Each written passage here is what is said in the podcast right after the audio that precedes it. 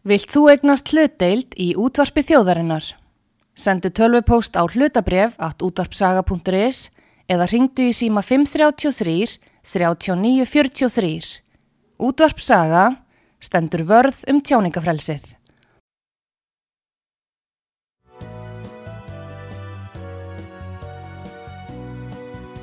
Sýteðis útvarpið á útvarpisögu í umsjón Arnþróðar Karlsdóttur.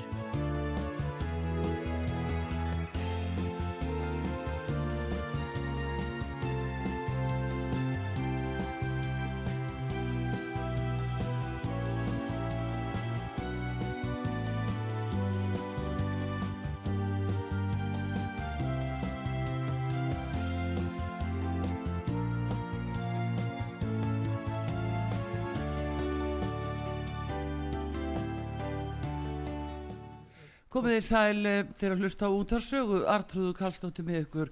Það er komið til mín Egilur Armarsson, alþingismadur Flóks Fólksins, lagmaður og eh, formaður Orkan Orkar. Og ég ætla að ræða um svona helstu málinn sem að eru núna bæði þinginu og þar fyrir utan og góðan dag Egilur Armarsson. Já, sælustu. Velkomin út á sögu. Já, gaman að sjá þig. Sumi leiðis. Heyrðu. Eh, svona bara helsta vel að frettin í dag finnst manni að það er uh, það að uh, frettablaðið og hringbraut uh, bara búin að loka. Já, mér veist þetta þetta er stór tíðindi og, og alls ekki góð, góð tíðindi fyrir Íslands samfélag að, að missa þessa fjölmiðla. Ég, ég var hérna, ég var náttúrulega heppin að ég fór í viðtal í vikunni Já. á hringbraut og var einmitt hugsað með mér að þetta er nú góðu vakstabróti í Íslandski fjölmiðla Já og þetta fyrir sjóansviðtalana Já. og hérna og, og frettavakt voru koman með vísa frettastöðu í frettavaktinni og, og svo alltaf frettablaði sjá það er helsta frettablaði landsins. Morgumblaði og frettablaði og núna er þetta horfið eftir það horfið eftir hvað, 20 Já, ára? 20 ár, 20 ár. Já. mér finnst þetta bara mjög sorgleitt og það sýnir stöðun á íslensku fjölmjölumarkaði og, og raunverulega það stjórnböld verða að fara að bregðast við þess, það verða að fara að skapa skilir fyrir sjálfstæða fjölmiðlun Þetta er þriðji fjölmiðlin sem fer núna árinu. Fyrst enn fjóri, svo þetta fer núna. já. þetta er þriðji fjölmiðlin og, og tvei ljósakamiðlar og eitt prentmiðl Já, mjög, mjög sorglegt og, en, en fjóru var mjög mikið var stöð líka þegar hún var á Akureyri á, út á landsbyðinu og þetta var eina sjónvarsviðtal sem tók sjónvarsviðtal við mig og varum að kjörna því. Þakkaði fyrir það og, og var metnaði metnað, var metnaði fyrir stöð mm. og ég tel að núna verður bara allting í Ísling að fara að ganga í málu og skapa alvöru rekstarskilir fyrir enga rekna fjölmenn það er ekki hægt að hafa að sé einn ein sjónvarstöð og ein útastöð og einn fjölmið sem er gnæfir yfir öll og hans er ríkisreikin þetta er bara að hætta fyrir tjáningafélsi í landinu. sko, Já, eiginlega, af því ég veit að þú nú svo góður í Evróprétti að hérna, enda formar orkan okkar, er nú eins gott en hérna eh, langar að ræða það við þig að þessi, þetta er ekstra umhverfi fjölmila að það er eins og að rekið á Íslandi með rúbæði á auðlýsingamarkaði og með fulla nefnskatt að það er umvölu að brota á EES samningum ég get ekki séð öðru sem að sé brot. Og ég get tekið dæmi á Skandinavi það er norska ríkisjónvarpið, danska ríkisjónvarpið sænska ríkisjónvarpið mm. og finska líka. Það er ekkert af þessu er á auðlýsingamarkaði BBC alls ekki heldur í Breitlandi Já. og að við séum með ríkisfjölmiðil sem er ríkistyrtu með nefnskatti fær, fær fjárveitinga frá ríkinu árlega tryggðar það, verðtryggðar með þessi það er hækku til þess tölvert núna um áramótin í nýju fjárlöfunum fjárlöfunum þessa árs. Og líka auðlýsingamarkaði að það er bara ekki hægt lengur. Það bara gengur ekki, það verður að fara að takmarka aðgang ríkisútarsins rúf af, á auðlýsingamarkaði Já, já, þetta voru kannski þessi skilriði hér í eina tíð, jáfnvel fyrir 10 árum, hvað þá 20 árum þá var hægt að réttlæta það að rúf væri með eitthvað forskott og, og sérstöðu en núna í dag eftir að, að það likur fyrir að engareikni fjölmilar sko gegna þessu almenna hlutverki til jafs við rúf og dreifingin og rúf fer fram í gegnum sín hún er Já, ekki já. lengur á vegum rúf meira að segja, þá er örgislutverki komið í hendunar á sín. Þannig að það eitt og sér þýðir að það eru brostna fossindu fyrir nefnskattinum í heilu lægi til rúf Alg, Uh, út af saga hefur gert uh, tillögu til metamálarendar núna og við að gefnu tilöfnu út af þingsálduna tillögu sem kom það fram. Já. þess efnis ymmit að engarekni fjölmjöla fái hluta af nefnskattin Já, ekki, já þið, þið, það er mjög bestamál, svo ekki nú ekki gleyma því þið er líka búin að kæra til eftirstofnara Jú, EFTA, ESA. við viljum og þetta sé brot á samnings, samnings uh, samningnum Já, og þannig að þið eru heldur betur að berjast í þessum málum Mm. sem er alveg frábært. Og ég held að sko núna í dag, uh, þú nefnir fyrir tíu árum var kannski réttanlegt sko Mm. áður fyrr sko hljóðvarpið ríkisútvarpið, hljóðvarp Mm. var stofnað 1930 það var eina útvarpið í landinu. Mm, það var þannig eiginlega alveg til held minni með 1984 það var verk- 86 86. Já, eða 83 sko þá Það var var, verkfallið. rás 2 stopnuð Já. og það var fyrsti vísir að einhverju svona frjáls, meira já. frjálsæði já, svo kom þarna 85 og svo já, byrjan það var 86 það ekki? Jú, og svo þá byrjuðum við með frjálst útvarp og svo var gefin frelsi með bylgjunni og kom engar rekna stöðvar og þetta er bara þessi saga sem við erum ennþá að glíma við Já. þegar ríkisútvarpi var eini aðlun á markanum já, og núna er hann farin að skemma fyrir fyrir engaðalum og þeir fá ekki að njóta sín Já. það bara gengur ekki lengur og það er raunverulega ég, meina, ég, ég er það gammalt, ég man eftir það var ekki sjónvarp á 50. 50. meinu sinni og það var bara rú og það voru óskalega sjúklinga ég man að sýsti mín uh, fótbrotnaði og þá veið maður alla helgivíkun eftir að við senda óskalega sjúklinga.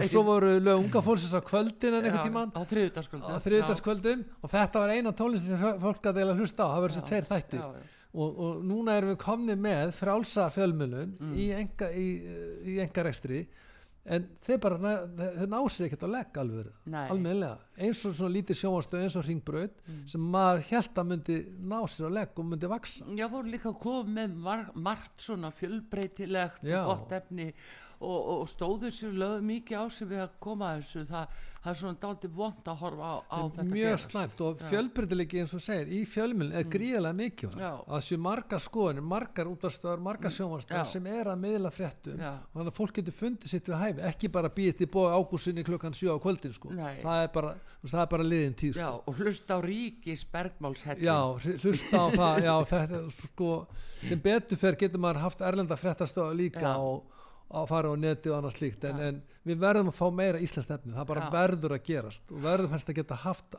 alveg En það, um, Eyjólfur, nú er þessi ríkisut búin að vera starfandi hvað í sex ár og Sex ára í haust, já. já, er við þetta ásættalegur árangur eins og hjá fjölmilar á þeirra að uh, kannski lofa þessu einhverjum breytingum, hún er margbúin að lýsa því yfir, hún ætla að taka rúfa ölsingamarkaði eða stefnir að því og annað þá að laga fjölmila umhverfið og núna er held að komið út í það að, að hún telur að hérna að fjölmiðlar eigi að fara meir út í það að fá áskrifendur einhvern lista, skrá og alla sem vilja hlusta, skilur eða, Já, ég eða lesa. það, ég tel að það að það sé raunverulega bara fjölmjöluna sjálfa ákvæðan þeir ætla að reka sig, hvort það sé Já. eða áskrift, Já. ekki ríkisins að ráþur ákvæð það heyrðu, núna verðum við bara að lifa á áskriftar, já, áskriftum en ekki auðlýsingamarkaði. já, Vandamáli er það, er það að frálsi fjölmjöla náttúrulega alls þar í heiminum, bandaríkjum með Skandinavíu og hvað sem er, þá eru þeir á auðlýsingamarkaði.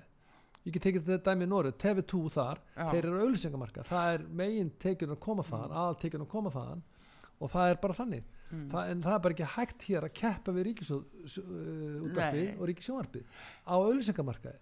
Nei. Þeir soga þetta allt til sín já, og það verður þá að, að þetta er bara eins og samkemsetti að þeir eiga sennilega, hvað þessi ekki 70-80% 70% á auðlýsingamarkað 80% 80% á auðlýsingamarkaðum, já þá ertu strax komið einst mm. aðeins sem er 80% af markasluteld, hann er í einigun aðstöð það þarf að brjóta það upp. Já, það er gert í öllum löndum út af, bara út af já bara út af því sjóna með séð sko. En þetta er nú svona einhver síður og þetta er nú það en þetta tengist uh, með fjárlagagerðinni og þú ert að koma úr umræði um uh, fjárlaga uh, uh, hérna, áallun ríkistjórnarinnar sem var lögð fram og þú varst að flytja ræðu Já, ég var að flytja ræðu hvað varstu núna að segja ég var, að, ég var í ansverum við fjármálráðherra út af hann var að leggja fram fjármála áallun mm, drauga fjármála áallun fyrir árin 2024 til 2028 já, og ég fór ansfyrir á þeirra og spurði hann um það hvar væri, hvar væri að gæta hagsmuna aldraðar og öryrkja og fátakastu hópa samfélagsins. Og, og, og hvað, hvernig myndi þetta myndi hafa áhrif á heildarendur skoðun almann og svo við fórum alltaf við það og svo flutti ég ræðu og fór þar yfir, yfir það punkta sem við leggjum áherslu á og líka gaggrindi það. Og aðalatri í fjármála áhullun er það að þessi fjármála áhullun er ekki að bæra skil verðbólgunni.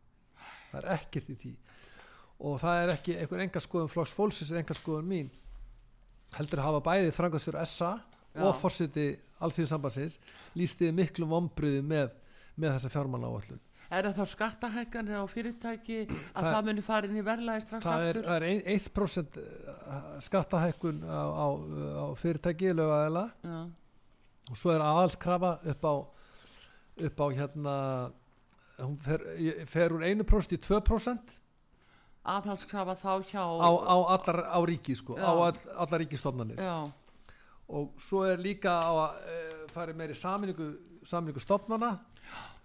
Og ég skal bara telja þetta upp hérna, ég er með þetta hérna á blaði. Það er, sko, fyrir að fyrsta er ég taldi þetta upp í ræðinni það er hækkun tekjuskast lögaðila eða fyrirtækjum 1% það er bara árunum 2024, það er ekki ár. Mm, og þetta á að vera berskinn verðbólkunni í dag. Já, þá gera á næsta ári. Já, og það er ekki verið að hækka bankaskattin það er verið að lækka endurgræslu viðrinska skats vegna endurbóta húsnæði úr 65% í 35% mm, samtök yðnaðins hafa þegar sagt að þeir telja að þetta minna að hækka íbúðaverð um 3-5% já. Þannig ekki það Óta verðsaukanum, ekki það að berast gegn nei, þá dragur stuðningu við, við rafbílavæðingu. Mm, þetta er raunverulega þegar bóðið aðgerð hún er ekki tilkomin vegna verðbólgunar það er þegar búið ákveð þegar þeir segja þetta sé hluta baráttunni gegn verðbólgu. Já, þá hækka fiskjaldiskjald það er líka þegar bóðið aðgerð. Þannig ekki það það er bara þegar verðbólgunni. Mhm, uh, þá hækka veiðilegagjald einhver tíman á setni árum áallununar sannlega kannski ekki fyrir 2006 2026 já, þannig að það er ekki komið. Þannig að það er ekki, ekki bara þegar verðbólgun í ár.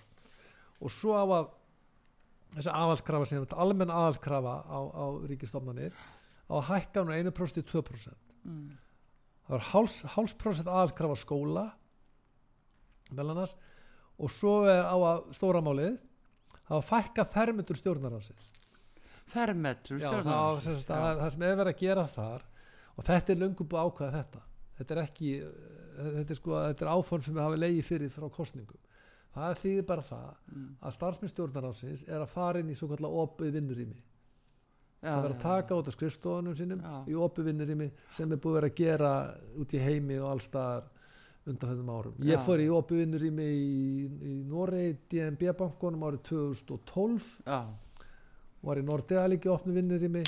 Þannig að þetta er bara gamalt raunverulega. Sjálfsagt að gera þetta en þetta er ekki bara þokkar verðbólgun okkur hátt engar sérstakar aðgerir það er saminning stofnana það er talinu sem aðgerð gegn verðbólgunni. En En hvaða raunverulega- veistu hvaða stofnanir það eru sem komið til greina?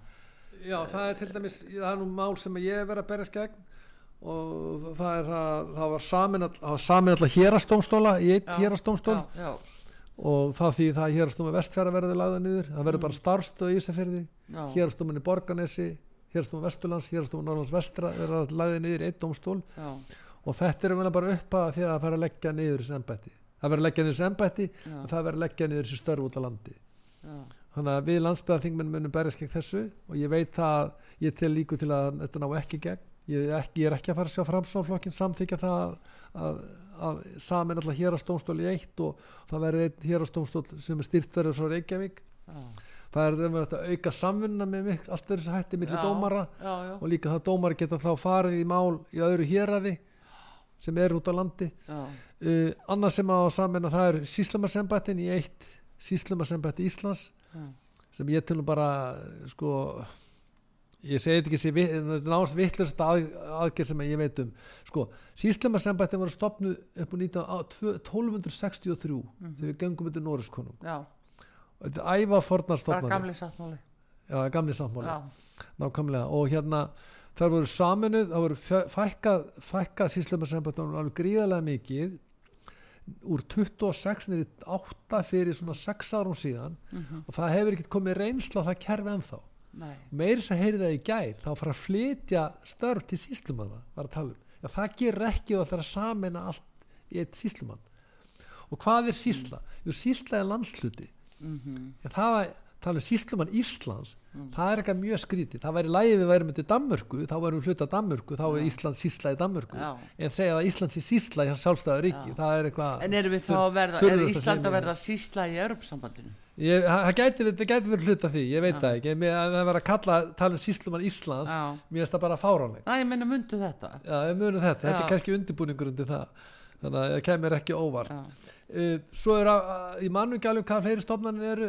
Það að ekki að, að ekki sem að eru það hérna, að sem stendur upp úr þessu er það, hvað er ríki búið að vera að gera? Jú, þeir búið að fjölga ráðunitum við fjölguðu ráðuniti núna í þessi ríkistjórn um eitt sem kostar miljardar miljard og miljard ofan. Og svo eru þeir að tala um núna að fækka stofnarnir sammeinu stofnarnir, hvernig maður er að fækka ráðunitunum það verður mikið sparnað af það. Aðstæða yfir stjórn ríkisins. Já, það er til dæmis eins og háskólaráðunitið. Akkur er það ekki bara undir mentamálaráðunitið eins og var? Akkur það einhvern háskólaráð þeirra sérstaklega? það var þetta var af því að framsvonarmenn að þeir unnu stór sigur í kostingunum síðustu fengur Já. 13 þingmenn að þeir gerðu kröfum auka ráðherra Já, og sjálfstæðsmenn vildu halda sínum ráðherra fjölda já, og þá, þá þýtti það verið að búa til annar ráðaniti þannig að þetta hafi ekkit um raunveru, svo er þetta bara sett í þann búning að þið við þurfum að, að breyta stjórnkerfinu, aðeins mm. yfirstöð ríkisins þetta var raunverulega ástæðan fyrir því. Mm, en þetta er það sem er verið að gera, þetta er alltaf sögum mm, en það breytir ekki að fórsett alþjóðsamband Íslands er þegar búin að lýsa yfir því að þetta séu gríðaleg vombriði og líka framkvæmstjóri ASI að raunverulega segja sko fórsett Íslands hefði viljað sjá bremsa húsalegu, lækkaða skatta á einhversum vörum og raunverulega verið gert eitthvað fyrir heimilin í landinu. Það Já. er það sem ég byggði mín að ræða á. Það er Já. ekki verið að gera neitt fyrir heimilin í landinu fyrir, fyrir hérna, hú, fólk sem er með húsnæðislán og Sælabankistjóri er að hækka stýrivist eins og engi sem morgun, morgundagurinn. það er nánast að setja fólk á já, og það einmitt kallar á annað í þessu ég veit ekki hvað það kemur nú vantarlega ekki fram ég veit ekki, það fer framlöfun til síslumanna Já. en uh, er gert ráð fyrir því að það verið þá uh, aukin vinna á fjölgun og nöðungarsölum og aðfaragerðum Já, ég, ég skal bara lesa henni upp á ræðunni minni hérna. já, Ljóst er að við verðum að ná verðbólgunum niður strax á þessu ári. Það er nákvæmlega sem er ekki verið að gera með því að fara aðgera á næsta ári. já, Við vorum að ná því á þessu ári eða þá er lók tímabilsins Já. 2026. En við ætlum að ná að vernda fjölskyldur í landinu, ellega munu hörmungunar dinja yfir, fátækt munu aukast og heimili munu fara á nöðungur uppóð áður en langt um líður og félagslega hörmungunar sem því fylgja verða ómældar. Þannig að svona er nú þetta já og, og, þetta er svo eftir hrun skilur Þa, það þannig, uh, sko þetta lág svona í loftinu nema þá var hins vegar fólki sagt að væri verið að byggja skjaldborg um heimilin. Skjaldborg sem að breyttist yfir í martruð skilur Já, það sem er í gangi núna Já. og ég sé bara að lesa það með, ræðina þessu fram mig það eina sem sæðlabankastjóður er að gera eru glórulösa vakstahækkanir sem bitna verst á skuldsettum heimilum. Fólki sem er að greiða húsnæðislánum sínum sæðlabankastjóður er að vinna í því að koma meira átt að kreppu hjá venjulegu fólki landinu milli tekjuhópum og þeim tekjulegstu ekki sér fyrir endan á þessari kreppu. Hvernig var að horfa til íbúa þessa lands sem að stórun hluta bera verbulgu áhættuna á lánu sínum? Þetta er stóra málið í dag. Þetta er stóra málið. Já, og ég segi líka að Sæðlabankastjóri hann er bara að horfa á eitthvað Excel-skjal og talandi um neikvæða raunvexti. Fjármarseigundur þeir bera líka ábyrða ávast að fjössitt já, það voru neikvæða raunvextir í Skandinavíu fyrir nokkrum árum. Já, og ég var nú að vinna í banka þá var bara það að krafa það að fjármarseigundur sjálfur verða að fjössitt setja fjöð í atvinnlífið Já. fjárfest í fyrirtækjum Já. setja peningin í spróta fyrirtæki já, já. það er ekki að vera áskrifundur eitthvað rosa ávusti á Sæðlabanka Íslands eða gegnum nei. Sæðlabanka en Íslands þannig er sko þessi uh, kyrstaða með þetta svona munstur það, þetta bara er óhaganlegt virðist þeirra venjulegt fólk í landinu fólk sem er íbúðalán þau eiga að bera byrðina af verbulgunni það er þannig sem er, þetta er hugsað. Það, er, það er það sem er verið að gera. Mm. Það var alveg svo eftir hrun Eyjálfur, þegar alþjóðgjaldur í sjóðurum var komin inn í þetta að þá byllinis var eh, það var bara eh, sko gert út á heimilinu í landinu. Já, það er nákvæmlega saman það er bara, er er hrun. bara mjög svipað. Sketturum er lenda á heimilum í landinu alveg settur Já. og það byrjaði að býta núna all kröftulega með stýrivastahækkunum og þá vakstahækkunum ba bankana Af, fólk er að, sko afborgunar lánum er að fara upp öllu valdi. Og, og þetta er raunverulega er ekki að hafa áhrif á verðbólguna að be- berja niður verðbólguna með þessum hætti. Og aðgjörleysi ríkistjórnarinnar er algjört.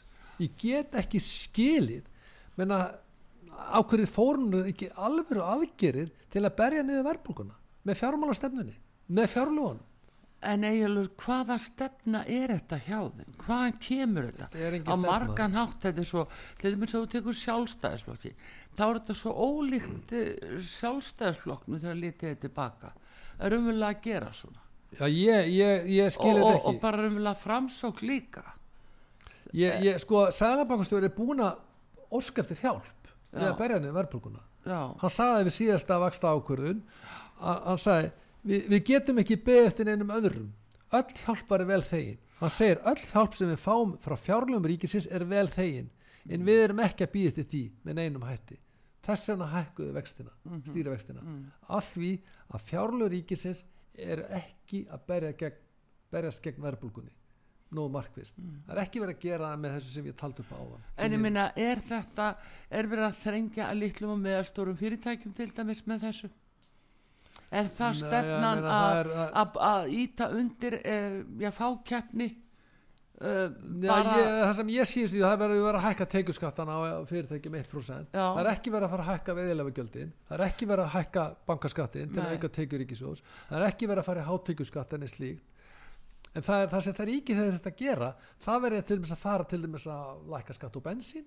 Já, það hefur verið drifkvættu verðbólgunar ekki verið að fara í krónutölu hækkanir á, á þjónustu sinni sem að eigur verðbólguna.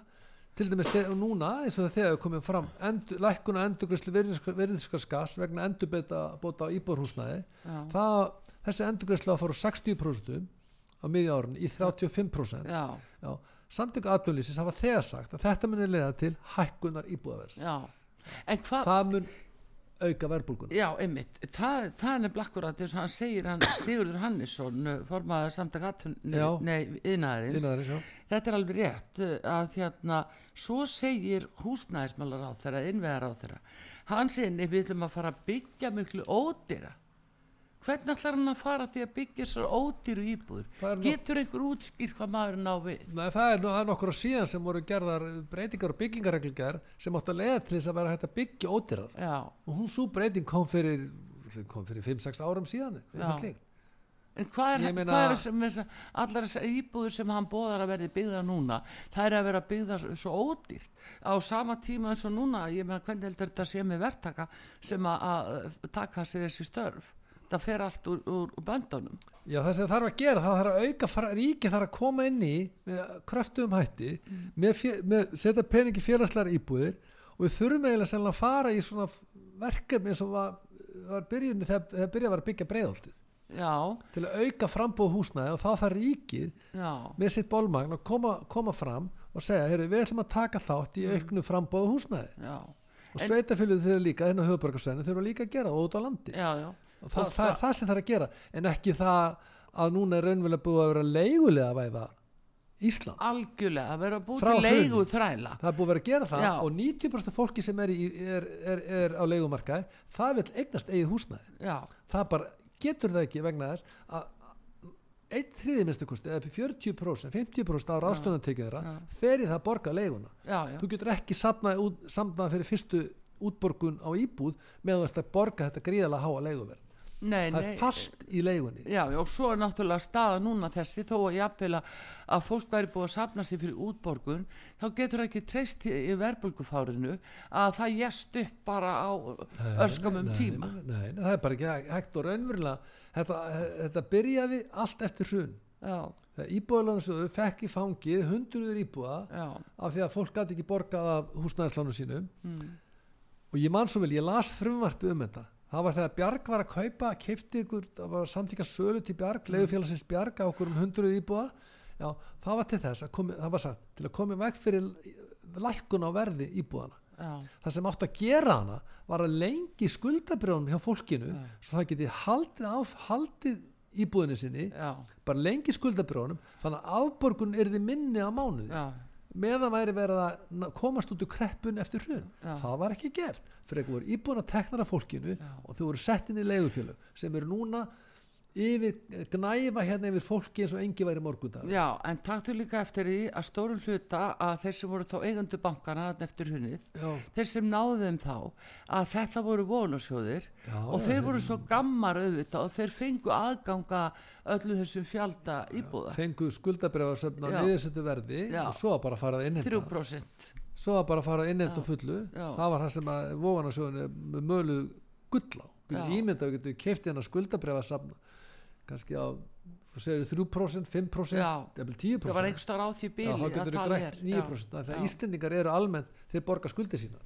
Þeir eru ekki Já. óriðu fólk. Já, já, og þetta var alveg bara sorglegt að horfa upp á þetta. Mm. en sérstaklega það að þeir var að vera að taka íbúður af þúsundum einstaklinga já, og fjölskyldna það átti ekki að gera, átti að lengi skuldabrjónum og gefa fólki kost á að halda áfram að greiða, greiða brefi niður af, af skuldunum, skuldabrifi niður staðin fyrir að stopna sér leigufjölu sem eru núna held, halda fólki föstu á leigumarkaði. Og hvað er sjálfstæðaflokkur, var það ekki já. sjálfsflokkur flokkur þess að fólk ætti sitt eigi húsnæði Jú, og, og það hef er sjálfstæði einstaklings? hvað er hann núna? Já, en það er einmitt eins og þú veist að minnast að þegar breyðholti var að byggjast og, og foss og fleiri segja bústæðakverfi að þá voru það svona félaga samtök mikið og þarna fengum menn líka lóðir unnu myrkranum milli sjálfur í sínum húsum. Nú getur þú bara eiginlega fengið lóð. Já, það var þannig og, sko, má segja Já, hafi verið með því var lokiðin mestan yfirlenga tími íslenska húsægjanda það var þegar það þúsundi manna byggi bröggum hérna. já, það var, þegar breiðholt var byrjað að byggja breiðholtið það var líka að sluta til smáu bökverfi líka Já. áður. Að þá voru þá var hægt að búa í bröggum. Já, og það að Íslendingar skuldu hafa þurft að búa í bröggum eftir síðar heimstöld var alltaf alveg skammarlegt. Með alltaf verðmæta sköpuna sem átti sér staðina já, núna, núna er búið að vera leigulega veða fólk mm, og það er nægu peningur til þess að byggja húsna, það er bara ekki gert. Fólk er haldið í fólk er haldið í bröggunum á sínum tíma, áratugum saman Já. fjölskyldum og núna er verið að halda fólk í leigu íbúðum það er nú máli en, eh, 90% vitt minnst að kosti eignast eigið húsnæði. Já, það bara getur það ekki. Nei, nei, það og það verður að núna fara í átak það var gert breiðolti var að byrja að byggja breiðolti með, með hérna, kjærasamningum og það verður að fara í svipa átak núna. Ísland er mjög ríkt ríki auðvut ríki og við getum vel gert það leystina en vandamál uh, auðveldlega. megum við eigjálfur uh, út frá EES samningnum má ríki grípa inn í og, og styðja félagslega uppbyggingu á húsnæði? Nei, ég sé ekki Á ég get ekki séð það. Ég get ekki séð að það sé neða bara svo mikið svo já, ég get að ekki séð að, að sko, íslenskur húsnæðismarkaður íslenskur. Mm, það er ekki frálsir eða samningun er umvæmlega frálsir fólksflutningar millir landa, Já. fráls fjármagn millir landa mhm, þjónusta millir landa og, og vörur. Já. ég get að húsnæð á Íslandi er ekki vara sem við getum flutta millir landa. Nei þannig við erum spurning bara, um við erum bara keira okkar, bara setja peningi í þetta og fara í þjóður áttak og byggja upp húsnæði fyrir alla. Já sem við fólk getur eignast Þetta segir góð gestu hér á útvarpi sögu Egilur Álvarsson, alþingismadur Flokks Fólksins, hann er líka jafnframt eh, formaður orkan okkar og við ætlum að tala um orkumálin og kolvetnisgjaldið á eh, flugi sem kom nú í bakið á okkur hér á dögunum og fleiri málu eftir skamastund. Við fáum auðlýsingar á útvarpi sögu. Artrúðu Kallstótti hér með ykkur.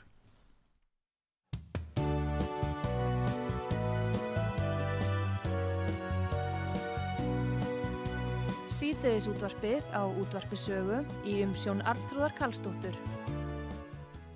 Komið þeir sæl aftur Egilur Ármarsson, alþingismæður Flokks Fólksins og formaður orkan okkar. Hann er gestur hér og við erum að fara yfir ímis svona ímsa frétti sem að hafa verið og málefni sem að er í umræðunni. Og um að ræðum heimilin og þá stöðu sem að er komin upp uh, út af verðbólgu og kannski aðgerðarleysi stjórnvalda til þess að taka beint á verðbólgu hækkunum ymmit núna. En um, Egilfur það er líka eitt í þessu ég spurði áðan um háskólarektor og þú varst að tala um að að hverju ekki að fækka ráþurum uh, þetta mm. embætti, það kom þarna inn. Er eitthvað meira umleiki sínist er í kringum háskólastarfið og að, að kalli á sérstakar ráþæra nú hefur verið, nú er náttúrulega er mikil krafa og breytingar a, á uh, grunnskólakerfin ekki hvað síst til dæmis að uh, þar er nú verið að tala um nýja mentastefnu sem er ekki alveg búið að kynna Já. og uh, það nú háskólinn uh, svarar ráð þeirra þannig að, að háskólinn eigi ekki að vera útunguna vel fyrir aðtunulífið, hvernig sem má skilja það? Já sko, við fyrstulega það að telja þessi fjölgur ráð, ráðherra, það var algjörlega óþörf breyting, Já. við ætlum að halda fjölda ráðherra, Já. hvernig ríkistöldin að stjórnaraði skipilegur sem er þannig að á þess að fjölga þeim þá, þá er það bara þeirra mál við ættum alls ekki að fjölga þeim ég tel að við höfum átt að halda mentamálráðundinu öflug mm. mentamálráðundi, ekki vera brjóta upp í háskólaráðundi og svo mentamálráðundi uh, sko varði stöðun á háskólinu þá kom nú ný skísla á háskólaráðara Áslu Arna, hún fjallaði um þetta í útarpun síðustu helgi, Sprengisandi Já. Og þá kemur fram að við erum að skrapa botnin í gæðakönnum á Norðurlöndunum Ah. Háskólinn Reykjavík er í 37. seti í neðsta seti, hvað var það gæði háskóla Háskóli Íslands er í 30. öðru seti mm. þannig að það er ekki, ástandi er ekki gott og nokkuð nátt við, ég sko ég hef aðeins komist inn á, komið inn á þetta hann kom í hann að professor í þrántemi já, hann uh, Hermundur Simonsson Hermundur Simonsson professor hann var að tala um lestar já, tala um lestarkjænslu varna já, lestarkjænslu varna og við, ég hef verið að berjast í því, í því með honum meðal annars. Hann er búin að vera að berjast fyrir því að við tækjum upp lestarkjænslu aðferðir sem skila árangri, sem eru byggðar á alþjóðum vísundum já. í 21 ár. Hann skrifaði fyrstu hverjum í morgunblæðum álið árið 2000, 2002 Já. og við hefum verið hann er með verkefni í Vestmanni sem er mjög stórmerkild verkefni sem heitir Kveikjunistan sem byggir að því að efla grósku hugafari á börnum og, og stöðu stöðumandi Já. og líka því að börnum sem kent að lesa með bókstafa hljóðaðferðinni mm -hmm. sem er eða gamla gagn og gaman Já. sem að Herdis Egilstóttir var með meðal hérna og við lærum með gagn og gaman það er það að við skiljum það að táknið að hljómi að myndin af að bókstafa hljóð aðferði þetta er grunnurinn af því að geta lesið þú verður að kunna þetta stafur og algjörlega mm. utan, utan að mm -hmm. áðurum getur farið að lesa, áðurum getur stafaði gegnum orðin, af mm. því þú skilur ekki hvað bókstafinni hljóma þá getur ekki stafað orðin þá getur ekki lært að lesa þetta er ekki lög nægileg áhersla á í íslensku skólakerfi við erum með, erum með tilvöld til þingsaltunar um breytingu aðalnámskrá í grunnskólum sem er það bara fjallan innlega hugmyndafræði kveikju nestans leggja áherslu bókstafa hljóðaðferði í restakenslu innlega í stað lesfræðamælinga stöðumannspróf með bókstafa hljóðaðferðinni skilningspróf og mat og skriflunum texta hendur sem það til kalla lesfinnpróf en það er verið að byggja barniðan um að lesis hratt og það getur það stendur í fyrirmælinn til barsins já, já. ég hef lesið þetta, þetta er frá mentamálastofnun barnið á að læra að lesa á að lesa hratt og getur í tvær myndur það er ekkert annað en hraðapró svo það liggi algjörlega fyrir. Ef ykkur heldur það að beðum að keiri satt og getur keiri satt og vel og getur mm. þá er þetta hraðakstri. Alveg saman með lestur. Og þannig er nú bara það. Þriðið aðrið sem viljum að það, hver nefandi fór áskorunum að hæfi. Stafan í íslensku menta, eh, í mentakerfi varðandi læsi er ömurlegt. 38% drengja er ekki að lesa sér til gangs 38% drengja. og fer hækkandi sko. 92,5% barna útlendinga er ekki er ekki kannræðuleik íslensku. Þetta er sagt innri endur sko Reykjavíkuborgar og höfuborgarsöðin þannig að það eru gul og rauðu ljósi. Ég get talið áfram. Í leskilningi. Skora börn norskra og danskra einflýnda herra en 15 ára drengir á Íslandi öllu landum börn innflytjenda í Nóri er... og Danmörku. Já. á fjórum svæðum mm -hmm. bæði kynnin eru læri á Suðunisjum, Vesturlandi Norrlandi eistra og Vesturðu þau skora að læra bæði kyn á fjórum svæðum á Íslandi en börn innflytjenda í já, já, og Danmörku Já. við getum reynt ímynda okkur hvernig börn innflytjenda á Íslandi standa sig í lestri, Já. íslenskum lestri En það er líka annað eigjálfur í þessu, ég held ég að við nú tala um það við hann, uh, já, að hérna, hvernig líður þeim börnum líka sem að uh, koma við þessar aðstæðu, tala ekki orð í íslensku, en eiga samt að sitja í skólastofunni í marga klukktíma á dag og skilja jafnvel Já. ekkert. Þetta er náttúrulega svakald að leggja þetta á börnin. það er það, þú getur ímyndaður og líka það að börn er ekki að fá áskorunni við hæfi, það er ekki að gera nei. það. Og við verðum að fara að taka, taka á þessum málum. Og ég get nefntina skýrslu frá ASI, Alþjóðsamband Íslands sem kom 2020 hún sýnir að 10,8% af 19 ungmennum eru kvorki í námiða starfi. Eru kvorki í námiða starfi. Þetta eru 500 einstaklingar á Íslandi sem eru kvorki í námiða starfi. Mm, 19 ára gamli mm, þeir eru bara heima að horfa á sjónvarpið í símón þetta er mjög alveglt ástand og ég skil reyðum ekki á hverju er ekki verið að fjalla meir um þetta. Já, já, ég, ég byrjaði að kynna mér þetta eh, þegar ég kynntist Hermundi og, og var á ráðstöfum þessu mál og brettar og frakkar að báði löglegt að, að nota bókstafa hljóða aðferðina þess að gömlu aðferði að læra að lesa. já. þú lærir ekkert að lesa öðruvísi. Svo einfalt er það, við erum eitthvað heimatilbúið byrjandalessi frá háskólum Akureyri. Sem engin En, botnar í að, en það er samt að nú búið að leggja vistastofnu niður Já. og það er spurning sko hvað tekur Já, við og hva, það er- það er hvaða stefna verður tekið núna? Það er mjög gott, hann leggur niður menta, Mm. ásmundur eina, leggur niður mentamálastofnun ég tel að vandin sé ekki það. Hann er ekki að leysa allan vandan vandin er í háskóla Íslands. Það er þar sem að vandin er.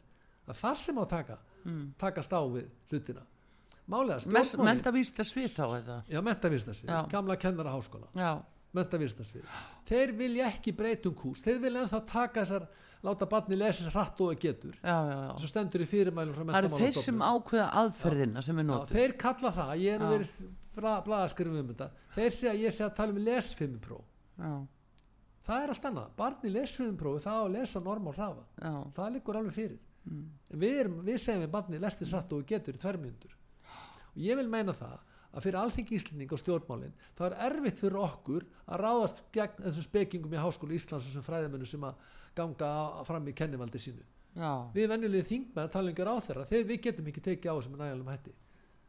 Ég vil meina að vandin er það og háskóli Íslands er að skrapa botnin á Norðurlöndum En þekki af hverju dæmi fá þið þá allt þetta val? ég þekki dæmi þess að einstaklingur með tvær vísindagreinar mm. er ráðinn en ekki einstaklingur sami umsækjandi sem með hundra vísindagreinar í alþjóðlegum fræðiritum Mm Ha, hann Birgir Guðjónsson skrifaði sem er aðstofa prófessor við, við Yale háskóla hann var að skrifa greinum þetta í morgunblæði í, hérna, í vikunni hann fjallar um þetta mjög, mjög gó- góðum hætti þetta kom núna á miðvikudaginn 29.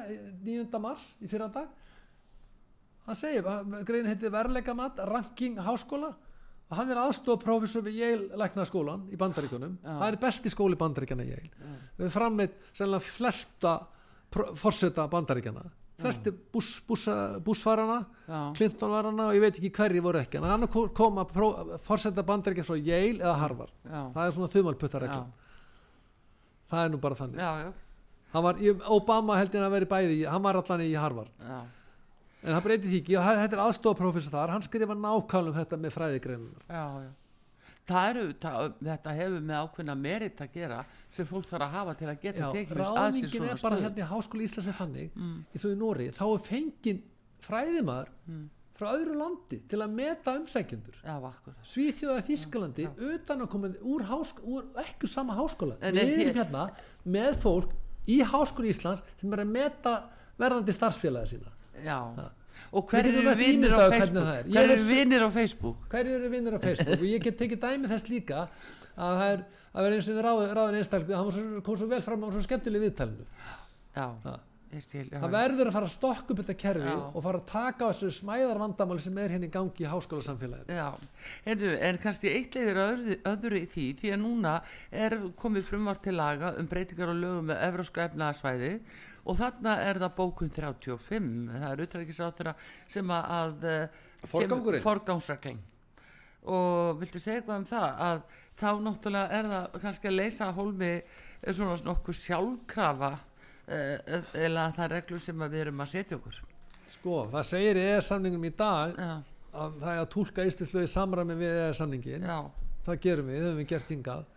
Núna er verið að taka far, núna erum við að fara að setja einhverja forgánsreglu já, ég get fyrst alveg ekki séð það að við getum tekið þessa forgánsreglunni í lög. Þetta er þetta að fara í stjórnarskrárum já, við getum ekki sagt að reglu frá ESB hafi forgang fram yfir íslensk lög. Það er ómöguleiki. Mhm. ég get ekki séð það það eru íslensk lög sem stjórn þessu landi en ekki ESB já, og það er að segja að ESB-regluna hafi forgang fram með íslensk lög Já. það gengur ekki stjórnarskráni og ég tel að þetta sé dæmið merki þess að samningurinn, ES-samningurinn er nánast gengið sér til húðar. Já, það er mjög bara stórt málu Já, það, það það. Og því það er að koma svona hvert máli af öðru sem að, að vísar í þessa áttina að þetta samræmist ekki íslenskum hagspunum. það gerir það ekki og það sem er meiri að við erum að vera, að, verið fá hérna tilskipanir Mm. sem að sammeilna ES-nefndin sem er vinnur því að taka tilskipanir að Já. gerðir ESB upp í ES-samningin Mm. sem að henda ekki íslenskum aðstöðum henda Já. ekki eigu í miðju norður allarsami við gera það ekki þetta vel verið þetta rosalega fínt á meilandinu hver, Já, já, eflaust. Eflaust. Sko, já, þá er að tala um orkupakka 3 sem að er raunverulega það er fínt á meilandinu þegar Já. þetta búið til ráverkumarka þar já, sem Ísland er ekki hlut af. Og við erum svona innlega reglur búin að löglega reglur lög um ráverku viðskipti á landamæri. Já. við erum ekki ráverku Nei, viðskipti af því hvað við er að erum eigið til norður, allarsæri En eiginlega, sjáðu hvað er að gerast með landsnit, þeir eru búin að stofna dótturfélag, enna Elmu, sem að er að undirbúa upp á markaðinn og þeir eru farin að lýsa því yfir að þeir verði með upp og með mjög stuttum fyrirvara og fólk fyrir að fylgjast með því það getur gert betri Ekki. kaup. þannig að þegar þið tekur jólasteikina á aðfangadagskvöld klukkan 6 Í- þá ríkur rafmagnu Því það að, verður kannski eldan um nóttin áður já, því þá var akkurat næra og það styrtu þá Já, nóttin áður. Þá var uppbóðið í gangi. við erum 370.000 manns í þessu landi. Já, það er enga forsendu fyrir því að vera markasvæði þetta með þessum hætti Já, þetta, þetta er er að bara gera gerast. og fundur hún síðustu viku á landsnett og, og þar sem þetta var kynnt og, og náttúrulega líka þetta nýja fyrirtæki Elma sem að, bara er að undirbúa akkurat þennan marka sem lítur svo nút og vindmilunar er óhjákvæmilega þriðja stóðin segir fórstjóri landsvirkjunar og, og bara þjóðin veit til ekki neitt. Evrópusambandi sjálft er búið að viðurkenna það og sagt það að núverði kerfi, rávorkumarkaðar Evrópu er gjaldrúta. Þeir eru núna í heildar endurskoðun á þessu markaði. Þessi markað byggir, byggður upp eins og hlutafélagmarkaðar, mm. hlutabriðamarkaðar. En að hlutabriðamarkaðar er alltaf verið að selja bara örlítið brota fyrirtækjum. já, Bara, þegar þú selur þitt hlutabrið þá ertu bara að selja þitt hlutabrið, Já. 1% kannski. já, já, En á rávorkumarkaðunum er alltaf að vera að selja 100%. já, og það er heilsali að selja smásala Mhm. við seljum síðan til neytanda þetta kerfi er gjaldrúta Mhm. að ESB er búið að segja það og núna er þeir heldarendur skoðan á þessu kerfi og ég þekki ástandi í Suðu Noregi þar getur bakar í Suðu Noregi náttúrulega ekki keft við bakara í miður Noregi sem er ekki tengt við kerfin af því að verðið er svo hátt í Suðu Noregi já, út af því að það eru kaplanir til Hollands og Þýskalands já, og Bretlands. Já, já, og við verðum að horfast í augu við staðrindinar eins og það er þar. Þar, þar tala helst í fjárfyrsti Noregs spettalen mm, að það sem er bara kallað de- deindustrialization Mm. það er vera innfyrirtæki þar í Suðunóri get ekki en, og, og líf í norðri er Mm. byggt á ótir orku. Já, við akkur, byggjum okkar samfélag á ótir orku. Stóriðustefnunni sem búin að vera frá 1969 það er byggðum Strömsvík og Búrfell. Já, þetta er hluta byggðastefnunni með kárningavirkjun og við höfum að halda þessu áfram.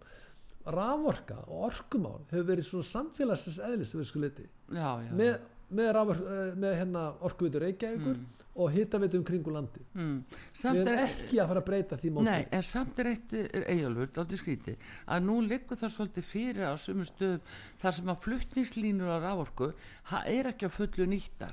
Ef við tökum blönduvirkjum, þeir eru með þrjár túrbinu, nota bara eina af því að fluttningslínan er ekki að fullu unnin, það var hægt að stækka hann og lengja hann og alltaf til, að, að, til dæmis að dekka eigafjörð. Og, og það eru svona hluti sem hafa ekki verið gerðir en á sama tíma er sagt nei við verðum að fá vindmilur þetta er pólitík. Og nú sjáum við að ég sá það, ég, ég veit ekki hvort að það hefur borist til, til þín sem formast orkun okkar að eh, hérna framkvæmdastjórn ESB er að koma því í gegn að vassfallsvirkjanir verð ekki viðkenda lengur sem græn orka það er náttúrulega alveg galið sko. Meina, þeir eru búin að viðurkenna eins og ég þekki best til þá Já. eru búin að viðurkenna kjarnorku sem grænorku Akkurat. en á ekki að viðurkenna vassalsorku Nei, einmitt, einmitt. sem búin að vera á Íslandi frá 1904 Já, þegar hérna Reykjörð byggði virkjunni í Hafnafyrði já, og þá er lítið það ekki sem að endur nýjanlega orkugjaf og ekki sem umhverfsvenna það, það, ég bara skilði það ekki en ég, sko, málið er það Evrópa sem slík hún byggir ekkert svo mikið á vassfarsorkunni það er er mikið Það- Ísland og vassfarsvirkjunum Norugur Ísland og Norugur Já. það er það er Sviss tölvert af þessu Já. af vassfarsvirkjunum þeir eru fyrir utan hérna Þennan eh, markað, já. utan markað. Og þeir geta lýst hverju sem er yfir með vassfarsvirkjunum það hefur ekki áhrif á þá. það væri allt morandi vassfarsvirkjunum í, í Europasambandinu þá myndi aldrei gerast. Nei, en Það þannig er er bara að ná okkur nýr á sama plan og þeir eru það var skilgrinningadri út af verðinu og skilgreiningunum já þeir geta gert það að ég til það þeir eru að gera það þarna Hmm. af því að það er ekki svo mikið af vassfarsvirkjunum í Europasambandinu eða væri eitthvað ríki eins og Frakland með allt fullt af vassfarsvirkjunum Hmm. þeir myndi bara koma í veg fyrir þetta. Þetta eru mannan að verka þessar skilgrinningar Já, já, það eru einhverjum kontoristar í. Brussel sem er að gera það. Og við eigum að stjórna þessum málum sjálf. Já, en þannig að Ígjölfur, þetta er eitthvað sem að ég er hættum að, að nefnt og, og já, fleiri Já, í þinginu Já, það er sko, varandi orkumálin, það var ekki haldnir 100 fundir, það er komin 102, 1-2 fundir núna út á lofslagsgöttunum út á Já, það var ekki sama bara þau gegn þriða orkupakkunum og Nei. gegn þessu lofslagsgöttum út á nei Við þurfum bara að fara að taka upp þessa baráttu á fleiri sviðum en bara lofslagsgöttum einmitt Það eru að- viss vissuliti fyrirtæki, þar á baku Æslandi er Já, og. Play núna sem eru hagsmunni fyrirtæki en það er Já, lámark en- við en þurfum að berast fyrir hagsmunum almennings. þetta er spurningin um samgöngur og vöruverð og annað því að auðvitað ríkur allt verð upp á flugi við, við og fer hérna- beint inn í verðbólguna á flug er- vöruflutningunum flug er gríðarlega mikið fyrir Íslands atvinni fyrir Íslands samfélag. Við erum minna eigið í miðju miðju norður allarshafi Já. miðja vegum milli Evrópu og Bandaríkjana Mhm. og nor norður Ameríku og við byggjum flug samgöngur okkar á þessu flugi á milli og svo að fara að skatleiki okkur eins og við séum í miðju Þískalandi Já, akkurat. Það er það er einmitt aldrei skrítið af því að nú bast þetta svar frá Úrsulu fóndalægin við eh, beiðni í fórsættisráð þegar um það að þau myndu misti eitthvað vilja horfa til liða fram hjá þessu. Allir það. Já, allir fundir sem þú nefnir eru haldnir í leynd og kyrr. Þjóðin fær ekkert að vita, þingi fær ekkert að vita um við hefum ekki fengið upplýsingar um við varum með sérstakka umræði þingjun í vikunni um, af hvort það var síðustu viku um, um þessa loftlaskatta vegna millinlandaflugs Já. ég gæti ekki sé annað en allir væru sammála meðalans utarriksráðherra og hún sagði það, lísti því ofta en einu sinni yfir að hún ætlaði að gæta hagsmuna Íslands í þessu máli Já. og það mun ekki það verður, það verður bara verður að gerast. En hvað ekki þá að að segja nei eða hvað ætlar það að gera? við, ég segi bara nei Já, já ég Það ekki. munuðu gera það? Sínist ætla bara þeir rétt að vona hafi það. haft dug í sér að gera það ekki gerðu það í orkubakkanum? nei, við hefum ekki því miður ekki, það er sem var að segja á það. Við hefum að ekki segja sko að það var kannski að það voru hagsmuna almennings en ekki, ekki stórfyrirtæki í landinu. Já, en það breytir því ekki að ef að íslensk fyrirtæki þurfa að greiða loftslaskatta í Já. Þá fer Æslander, fluglegir að keppa, þurfa að keppa við við bandarinskflugflug já, sem er ekki með sömu loftslagsgjalda. Þeir bandarækjumenn hafa ekki skrifað undir þessi loftslagsgjaldakerfi. Mm.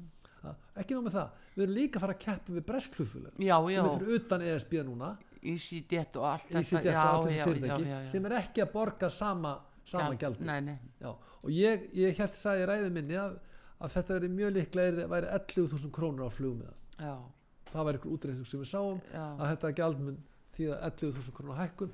Og ég get lofaði því að Íslandingar munu freka velja EasyJet eða American Airlines eða hvað Delta já, ef að þið getur sparað sér 11.000 krónur á já, já, þá mun viðskiptamóti fluglega sem er byggt á þessum stórkostlega flottu samgöngum við Ísland Já. 360 manna samfélag með þessa rosalega fínu flugsamgöngum um heiminni já, til Seattle, til San, Francisco til Já. Alaska til Fenea, til Milan og hvað sem þetta heitir að það að 360 manna samfélag sé með þessa frábæru flugsamgöngur það er alveg æðislegt. Já.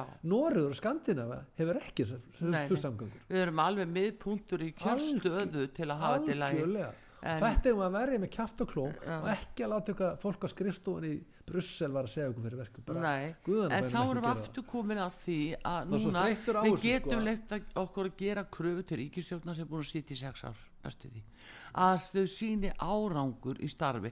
Þetta er ekkit nýtt á nálinni hjá þeim. Þetta er ekki að koma upp á borði bara Nei, núna. bara þau eru búin að hafa langan tíma samanbyr bara þetta bref sem við erum að tala um sem best í hvað ágúst í fyrra. Það búin að vera allur þessi tími og aðdrandin að þessu. Já, mér skilst að þessu komni allan 101 fundur núna, 100 Já. fundur var þessu loftlasköttum, þeir hefði mátti vera að svipa út á orkupakka 3, já, en við sjáum hvað er gerist orkumálunum okkar núna hérna. Við erum að missa tökin á þessu, þetta er að vera markasvæða allt og, og framtíðin verður sennilega steikin dýrar að vera að reyna að krist úr meiri pening á okkur álagstímum. Já, þegar nóg er að rávorkunni og það er komin tími til þess eins og þú nefndi við blönduvirkjun Mm. að flutniskerfið sinni þörfum Íslands samfélags. Það er það sem það er þarf að að gera. að að gera það. Og við höfum algjörlega komið vekk fyrir það að vassfarsorkan sé, sé ekki skilgrinn sem græn orka. Nei. Það, þetta er bara er stóra málið. ég meina þessar skilgrinningar er bara eru búna til í Brussel Já, við höfum ekki að láta bjóða okkur við höfum að stjórna okkar orkumálum sjálf Já. og við höfum að stjórna því sjálf og segja nei takk við sem lofslagsköttum já, við erum ekki um meilandi Evrópu. Það getur vel verið að þetta sé hendi vel innan meilandi Evrópu. Það hendar okkur ekki. En akkur er sko, akkur er þessi ótt og hræðsla við að segja nei í tvílega samningi við e, e, ESB. ég veit ekki, ég er að klóra mig mikið uh, höfðin út af þessu með þriða orkupakkan og, og sko, það sem að gerist er það ef við segjum nei, Mm, hvað gerir, gerist í Brussel? Jú, það er fundað. Ef við sagt nei við þriða orkupakkan það færi fundur. Og sjálfsögmyndið að vera samþýgt það að við myndum ekki vera með lögjum raforkuviðskipti við landamæri. Það er ekki til, það er, þurfum þess ekki. Nei, nei, og alveg saman með þennan lofslaskatta við erum með allt annað viðskiptamóti fyrir okkar flug en erum meilandi Evrópu. Já, það sem er að gerast í Evrópu það og kom fram í umræðum aftur og aftur í Evrópu verður að setja lofslaskatta til að fá fólk í lestar. Já, já, já, verður að breyta fara, fara þetta, fólk fara, fara Já, já. nota minna flug heldur síðan að fara, fa taka lestar frá borgarmiðju til borgarmiðju. Já, við, það getum ekki, við getum ekki nota lesta til að fara til nei, eða til. Washington. Það það. þetta sem það er- þessi hugsun er ekkert á Íslandi. Nei, við erum háð fluginu. Mm.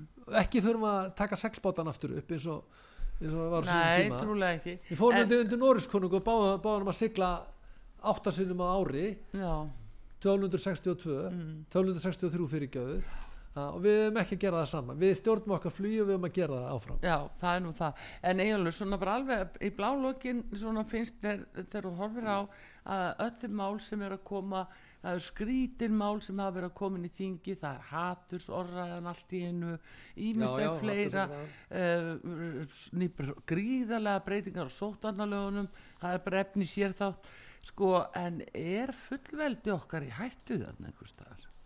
Já, er Þetta, hættu er, þetta er bo Já, bara bóð ellendis frá. Já, við skulum segja sé hættu ef við gerum ekki í því, ef við verjum það ekki. Já, ég til að minna Lagstins hafa sagt að það væri alveg dýrt að vera Íslendingur og ég held að hann hef líka sagt að, að við þurftum að berast fyrir sjálfstakar hverjum degi. Það er það er það sem við erum að gera. Og varandi hattusumræðina, ég er nú fyrst að vara formar alls og mentamálnefndar og þar Já. er málið komið inn. Já, með námskeið og ég gerði eh, mikla aðtóðsendir við þetta námskeið já, og er komið skriflega fyrirspurn um það.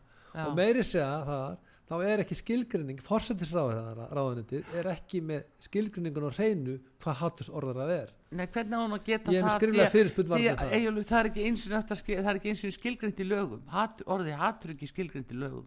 Þannig að hún Nei. getur ekkit skilgrind. Nei, þetta er, he- he- til alltaf ákvað hana í 230 og annar ykkur en almenna hegningalega þetta smánana sem á flokkundur hattusumræði Já. en þetta er breyðara hugtak og þeir segja bara greinagerðinni Mhm. að þeir eru ekki alveg viss á hvað skilgreiningin er en ég er með skriflega fyrirspurn hvað það hver er skilgreiningin, Já. hvernig skilgreinir fórsettir ráðunni þetta, ráðunni þetta þetta hugtak og ég er líka með skriflega fyrirspurn varandi það hvort þessi hópar sem að, á að bjóða þetta netnámskið hattusumræði, hvort þessi þörf á því? Mm. Já. hvort þessi vandamál hjá dómurum og lauruglu saksóknurum, fólki sem vinni á sveitafélagum Hugsaðu og öðrum hópum hattusorður ég hef ekki orðið varfið Nei, en hugsaði það að vera ætla þeim að, fara að læra upp á nýtt. En það sem vekur aðteglega og þess að segja þetta er ellendis frá fengið og hérna vegna þess að skotarnir þeir voru víst að hleypa þessu í gegn nákvæmlega eins frumvarpi. Þannig að þetta er samræmt aðgerð.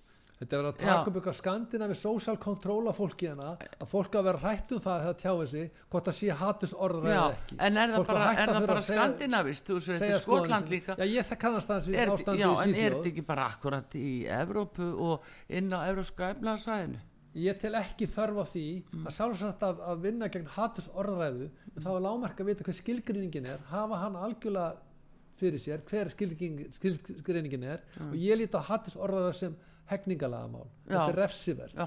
En það á ekki að þurfa að fara að setja, se- setja fólk á námskeið til að kenna þeim það hvað er hatursorðræða. Ég held að allir vita í bröstu sínu hvenna þeir eru með hatursorðræða eða ekki. Akkurat. Stjórnbjörn þurfa ekki að segja það. Já, við látum þetta uh, verða síðustu orðin í byli frá Eyjólfi Ármannsinni, alþingismanni Flokks Pólsins á sæti fjallahanemnd, lögmaður og og formaður alls er það glemma Já, og alls er mentamálunemnd, ekki glemma því. Og formaður orkan okkar. Við þökkum honum kjalla fyrir komuna og Artrúður Kallstóttir hveður ykkur uh, tæknum að Bræði Já. Reynisson. Verið sæl. Takk hérlega fyrir, gott að vera hjá þér